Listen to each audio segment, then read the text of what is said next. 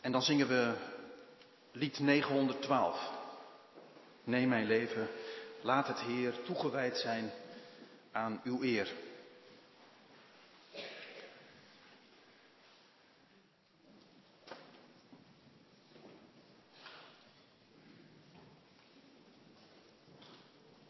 Welk beeld hebt u van God? Ik bedoel, als u nou denkt aan God, welk woord zou u dan op het blad hebben geschreven? Als u in één woord zou moeten uitleggen wie God voor u is, welk woord zou u dan kiezen? Onze Joke, ik vergat het net te vertellen, wij vonden het wel een spannend moment. We hadden daar een paar jaar over God verteld en dan komt het moment op het kleuterplein dat een klasgenoot vraagt, wie is God eigenlijk? Geen idee. En Joke, ik weet nog goed dat ze dat ene zinnetje zei. God, dat is iemand die voor je zorgt. Dat was blijkbaar haar godsbeeld. Misschien dat u daar wel het woord vader zou opschrijven. Of moeder. Vriend. Reisgenoot. Redder. Bevrijder. Herder. Inspirator. Stilte. Iets in mezelf. Of iets in de ander. Een hele wolk van woorden die allemaal iets oproepen van nabijheid en veiligheid en betrouwbaarheid. Het kan ook zijn dat u vanuit uw achtergrond of vanuit uw tegenwoordige godsbeleving bij hele andere woorden uit zou komen. Rechter, opvoeder, leraar, koning, heerser, wetgever, allerhoogste, tegenover, almachtige. Ja, die woorden, die hele wolk van zulke woorden onderstrepen dat God de gans andere is, de verhevene, anders dan wij. Daar zit wat meer afstand in die beelden, wat meer scherpte, wat meer ruimte voor een kritisch tegenover. Ieder mens heeft zo zijn beeld van God, denk ik. U het uwe, ik het mijne. Het kan ook veranderen, het kan ook meekleuren met de seizoenen van uw leven mee, van ons leven mee. En ik denk eigenlijk dat als wij iets zeggen over God, dat we dan ook iets zeggen over onszelf. De woorden die we aan God geven, daarmee zeggen we ook iets over onze eigen levenshouding. En misschien kunt u zich dat nog eens afvragen vandaag in de woorden die u zou kiezen? Wat voor levenshouding spreekt daar dan uit? Is dat een houding van vertrouwen, van ontspanning, van dankbaarheid en vrijheid en rust? Of spreekt er uit de woorden die u kiest om God te beschrijven meer een houding van bezorgdheid, van spanning misschien, misschien van onzekerheid ook? onrust of zelfs angst. In de gelijkenis van de talenten zien we zowel het een als het ander. Het is een van die gelijkenissen die Jezus vertelt aan zijn vrienden net voordat hij zou vertrekken. Het is een van die verhalen die hij vertelt om zijn vrienden te helpen zich in te stellen op een nieuwe situatie, waarin de Heer een stapje terug doet en zijn leerlingen meer ruimte krijgen. Een verhaal over een man die op reis gaat en zijn bezit achterlaat in de handen van zijn dienaren. Wat opvalt is dat hij zich geen specifieke opdracht meegeeft. Hij belast ze niet met allerlei voorschriften en instructies. Nee, hij vertrouwt het zijn dienaren echt toe. Hier is het. Al het mijne is het uwe. Wat ook mooi is bij dat uitdeelmoment is, is dat hij geen van hen overvraagt. De een krijgt tien talenten en de ander vijf. En nog weer een ander één. Net zoveel als dat je aan kunt. Niemand wordt overvraagd. Het woord talent kan wel eens wat eh, misverstanden oproepen. Wij gebruiken het in onze tegenwoordige taal wel voor dingen waar we goed in zijn. Holland, Holland Talent. Tegenwoordig heeft iedereen het in zich om een ster te worden, lijkt het wel. Wij zeggen, talenten, dat zijn de dingen waar je goed in bent. Je gaven. De een is creatief en artistiek. De ander kan erg goed luisteren. En weer een derde heeft de gave van gastvrijheid. En met die talenten moet je woekeren. Daar moet je en mag je iets mee doen. Nou, dat is wel waar. En dat is ook wel een bijbelse waarheid, maar daar gaat deze gelijkenis niet over. Dus laten we dat beeld even parkeren. Daar gaan we het nog wel eens over hebben na Pinksteren, hoop ik. Als we het hebben over de gave van de geest die hij aan de gemeente geeft. De gelijkenis gaat over iets anders. Het woord talent heeft in bijbelse taal iets te maken met een gewicht. Ruim 30 kilo goud of zilver. Dus die man met dat ene talent is ook geen sneu iemand. Die krijgt ook een enorm kapitaal waar die zijn leven lang voor zou moeten werken. De talenten die deze Heer in handen geeft van zijn dienaren, dat is eigenlijk zijn hele vermogen, zijn hele zaak. Je zou kunnen zeggen, het is alles wat hij is, het is alles wat hij heeft. En dat vertrouwt hij toe aan zijn dienaren. En eigenlijk legt hij daarmee zichzelf in de handen van zijn dienaren. Het is ten diepste zijn betrokkenheid en zijn ontferming voor de mensen. Het is alles wat hij heeft laten zien in Christus Jezus onze Heer. Genade en vrede. En dat vertrouwt hij toe aan die dienaren. En daarmee hebben ze allemaal goud in handen. Tja, en dan is het maar net wat je ermee doet. De eerste twee hebben het echt aangenomen. Ze hebben het echt aangepakt en het zich toegeëigend. En ze zijn ermee aan de slag gegaan. Wat ze hebben ontvangen, dat hebben ze echt benut. Waarschijnlijk zijn ze een handel begonnen. En in dat hele proces van handel drijven hebben ze risico's genomen. Dat hoort erbij. Dat is het spel. En daarmee zijn ze allemaal, alle twee, uit hun comfortzone gestapt.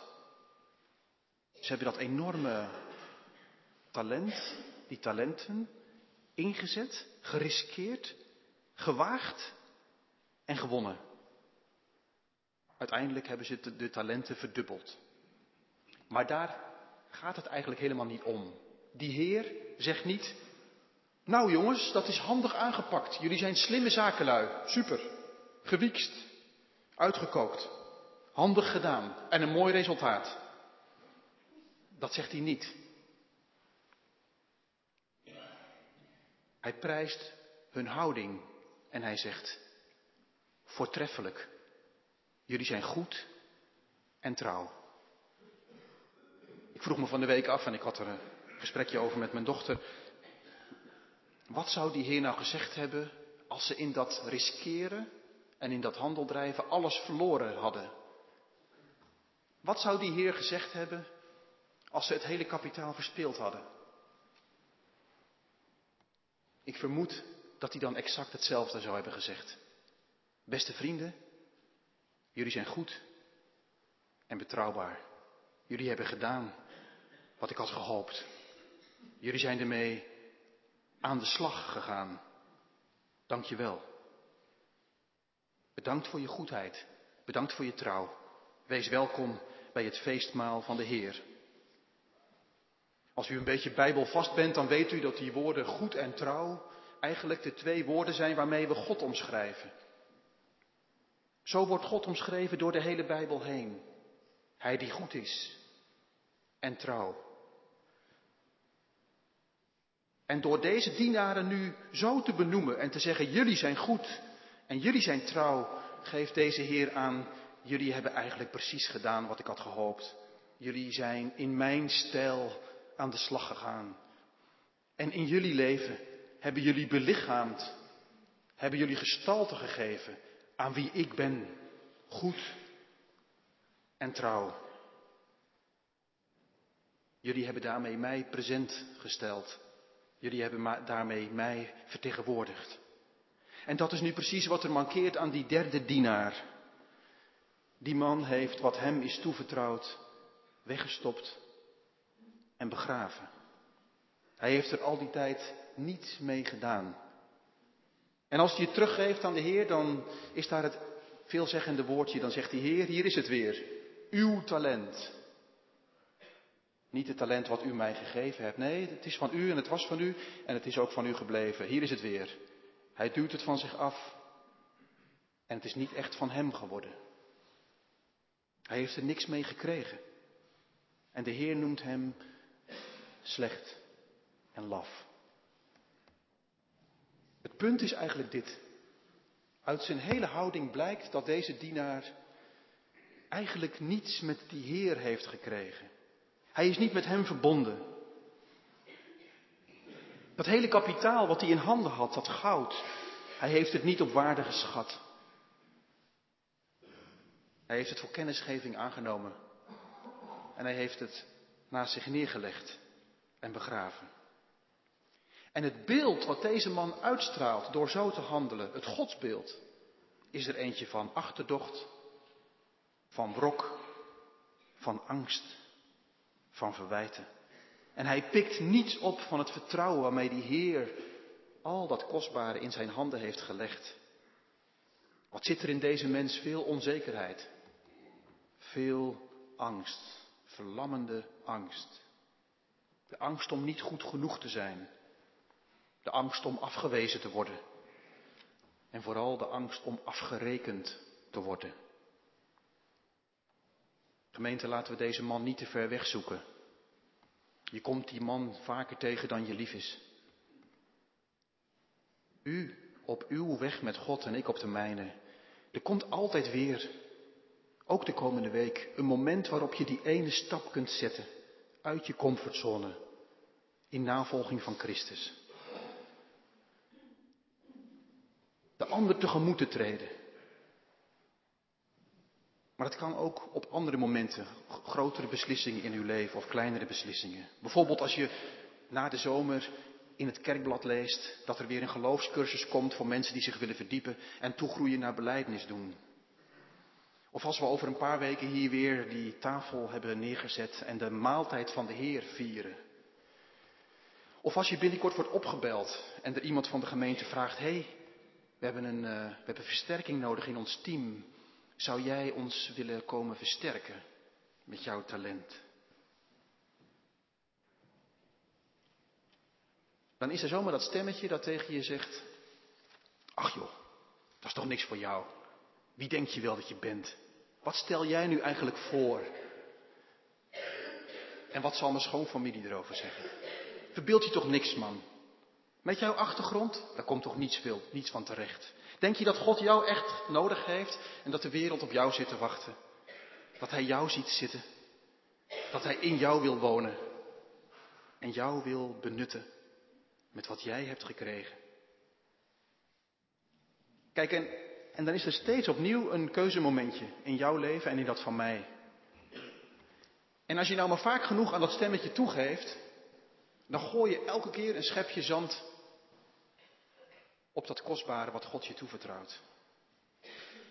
En als je dat maar vaak genoeg doet en lang genoeg volhoudt, dan begraaf je iets heel kostbaars. En met iedere schep zand en met iedere beslissing in een bepaalde richting groei je wat weg van dat enorme kapitaal. Weet u wat zo aangrijpend is? Met ieder schepje zand wat deze man gooit, begraaft hij eigenlijk zichzelf en de mens die hij zou kunnen zijn. Weet u wat zo treffend is? Die man is zo krampachtig bezig om niets te verliezen, dat hij uiteindelijk met lege handen staat en alles verliest en alles verspeelt. En uiteindelijk niets meer te zoeken heeft in het feestmaal van de Heer. Hij belandt in de uiterste duisternis. Hij wordt op zichzelf teruggeworpen. En hij is niet verbonden. Wat een tragiek als je niet verbonden bent met God en niet verbonden bent met elkaar. Dan ben je alleen. En dat is alleen. Hij wordt buitengeworpen in de uiterste duisternis, waar gejammer is en knars. En misschien dat u nu zegt, kijk, daar heb je hem weer. Daar heb je weer dat duistere element in het godsbeeld van de Bijbel. Daar ben ik nou zo bang voor. We kunnen lief en aardig zijn in de kerk en in de preken, maar soms popt het in één keer op. Die uiterste duisternis, met knars en gejammer. Daar ben ik zo bang voor. Is dat niet de duistere kant van God? Ik zou twee dingen over willen zeggen. Het eerste is dit. Ja, het leven is geen speelkwartier. En de keuzes die we maken doen ertoe. En uiteindelijk worden we geconfronteerd met de, confrontatie, met de consequenties van alle keuzes die we ons hele leven hebben gemaakt. En het tweede is dit. Bedenk nou eens wie dit verhaal vertelt. Staat hier tegenover ons een boemannetje? Iemand die ons schrik wil aanjagen en klein houden en manipuleren? Of is het de Heer van deze wereld die niets liever wil dan dat we die schep in de grond zetten en beginnen op te graven wat we al te lang hebben bedolven door al die onzekerheid en angst? En zit die scherpte van dat uiterste duisternis en knars, worden die woorden er niet juist aan toegevoegd om ons nadrukkelijk tevoorschijn te roepen en te zeggen, laat dat toch niet gebeuren. Eindig niet met lege handen, maar word de mens die je zou kunnen worden. Beste vrienden, dit, dit verhaal heeft een scherpe kant.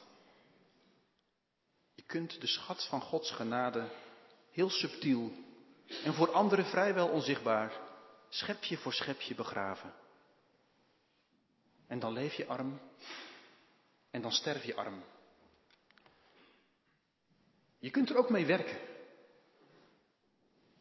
Je kunt steeds opnieuw, ook morgen, ook vandaag, besluiten om met die genade iets te doen en het door te vertalen in je gedrag. Dat kan al heel klein beginnen, met een vriendelijk gebaar. Een gedicht zegt het zo, het is dat vriendelijk gebaar, een hand die op je schouder ligt, een kleine groet, een blij gezicht. Het is dat kleine beetje zorg dat uit wat simpele woorden spreekt. Een lach die alle weerstand breekt. Een kort bezoek.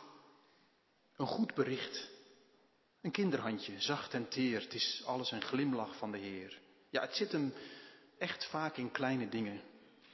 Maar het aparte is dat die kleine dingen het in zich hebben om zich te vermenigvuldigen tot een enorme zegen. Het viel me van de week op dat Lucas een soortgelijk verhaal vertelt in, de, in, in zijn evangelie. Het lijkt er sprekend op, met één verschil. Met in ieder geval één verschil. Er zijn meer verschillen, maar één verschil is dit. Als die eerste twee dienaren terugkomen bij hun Heer en laten zien wat ze hebben, dan zeggen ze iets heel moois. Dan zeggen ze, Heer, wat u mij gaf, is vermenigvuldigd tot tien. Wat u mij toevertrouwde, heeft zich vermeerderd tot vijf. Voelt u het verschil? Zij hebben dat niet zelf gedaan in in hun handigheid, maar er zat in dat talent iets wat zichzelf vermenigvuldigt. En ik denk dat Matthäus heel subtiel ook daar naar, een hint daarnaartoe in zijn, in zijn versie heeft verwerkt door de getallen vijf en twee te gebruiken. De eerste krijgt er vijf, de tweede krijgt er twee.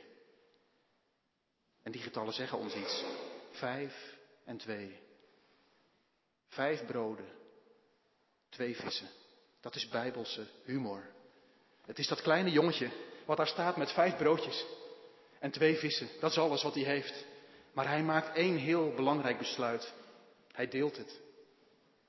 Hij deelt het. Hij investeert het. Heel klein. Hij geeft het aan de ander. En in dat breken en in dat delen wordt het een enorme zegen. Waar vele duizenden mensen door geraakt worden. Kijk, dat is waar de Heer aan denkt als hij zijn talent toevertrouwt. Hij kijkt je aan en zegt, deel het dan. Breek het toch. Zet het in. Durf te wagen.